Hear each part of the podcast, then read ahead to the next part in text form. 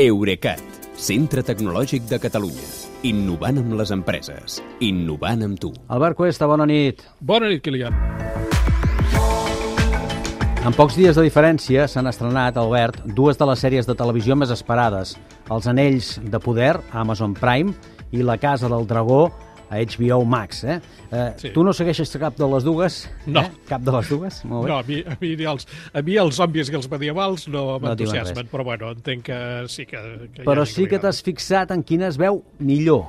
Sí, aviam, les plataformes de vídeo a la carta eh, han enganxat molts espectadors a les sèries fins al punt que, eh, com sabeu, hi ha fins i tot seccions de la ràdio Sí, que parlen dels guions, de la interpretació, de l'ambientació, es parla això als ascensors a la, i a la màquina del cafè. En canvi, dels que, del que es parla molt menys és de la qualitat d'imatge i de so.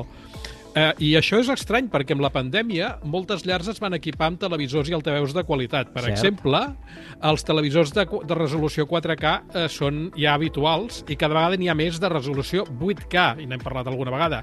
Tot i que els canals de TDT emeten com a molt amb alta definició i, de fet, la meitat dels que hi ha per satèl·lit encara són amb definició estàndard.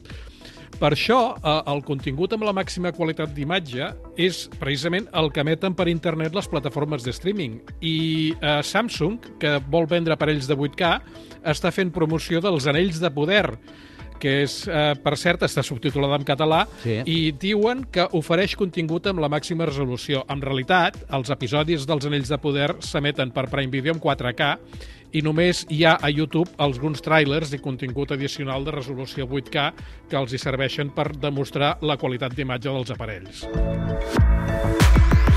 M'estàs dient amb això que els episodis no aprofiten tota la potència del televisor?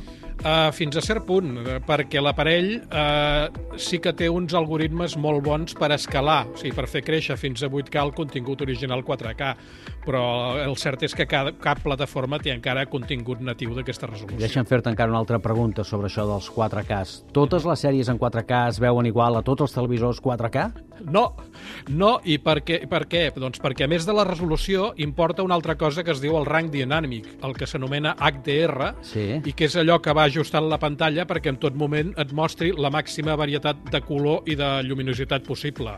El que passa és que hi ha diversos sistemes d'HDR, eh, com l'HDR10 Plus i el Dolby Vision, i no totes les plataformes fan servir el mateix i no tots els televisors són compatibles amb totes les opcions. Ja.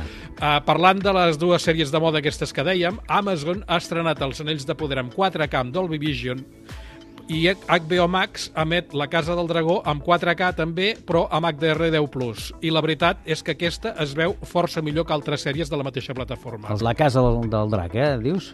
Ah, efectivament. Uh, I uh, aviam, res a veure precisament amb els inicis d'HBO quan fèiem servir precisament Joc de Trons, que és la seqüela d'aquesta, eh, com a exemple de mala codificació de l'streaming, perquè tenia imatges pixelades i zones fosques on costava distingir l'acció, cosa que era especialment greu amb una sèrie tan fosca com aquesta. I ara anem, em penso que pot ser la clau. Aquestes diferències que acabes de dir i que entenem quan les dius, les notem? Eh, Un espectador normal ho veu, això? És una gran pregunta, Kilian, eh, perquè eh, els especialistes eh, es passen o ens passem el dia comparant els mèrits de les tecnologies de pantalla, a l'OLED, el QLED, el 4K, l'HDR i tot això, però ho fem en condicions de laboratori. I en realitat, a moltes llars, el televisor, per car que sigui, ni l'ha calibrat quan el van instal·lar ni el van instal·lar amb la posició òptima, de manera que si la sala no està a les fosques i si reflecteix la persiana o el llum de la tauleta, eh, no, hi ha 4, no hi ha 4K amb Dolby Vision que valgui. Permetem una cosa, per aquells que són bojos del so, amb el so passa el mateix. Uh, sí, passa en dos sentits, a més a més. Per una banda, cada plataforma codifica diferent. L'àudio de la Casa del Dragó conté gairebé el doble de dades per, per segon que el dels Anells de Poder. I per altra banda, si no tens uns bons altaveus i sobretot si no estan ben col·locats, igual que la pantalla, probablement no notaràs la diferència entre un i l'altre. Doncs tranquils, abans de fer judicis sobre les pel·lícules, poseu bé el material per on les veieu i potser després veurem, notarem les diferències. Segur Però vaja, fàcil no serà. Gràcies, Albert. Bona nit, Kilian. Fins demà. Eurecat, centre tecnològic de Catalunya. Innovant amb les empreses. Innovant amb tu.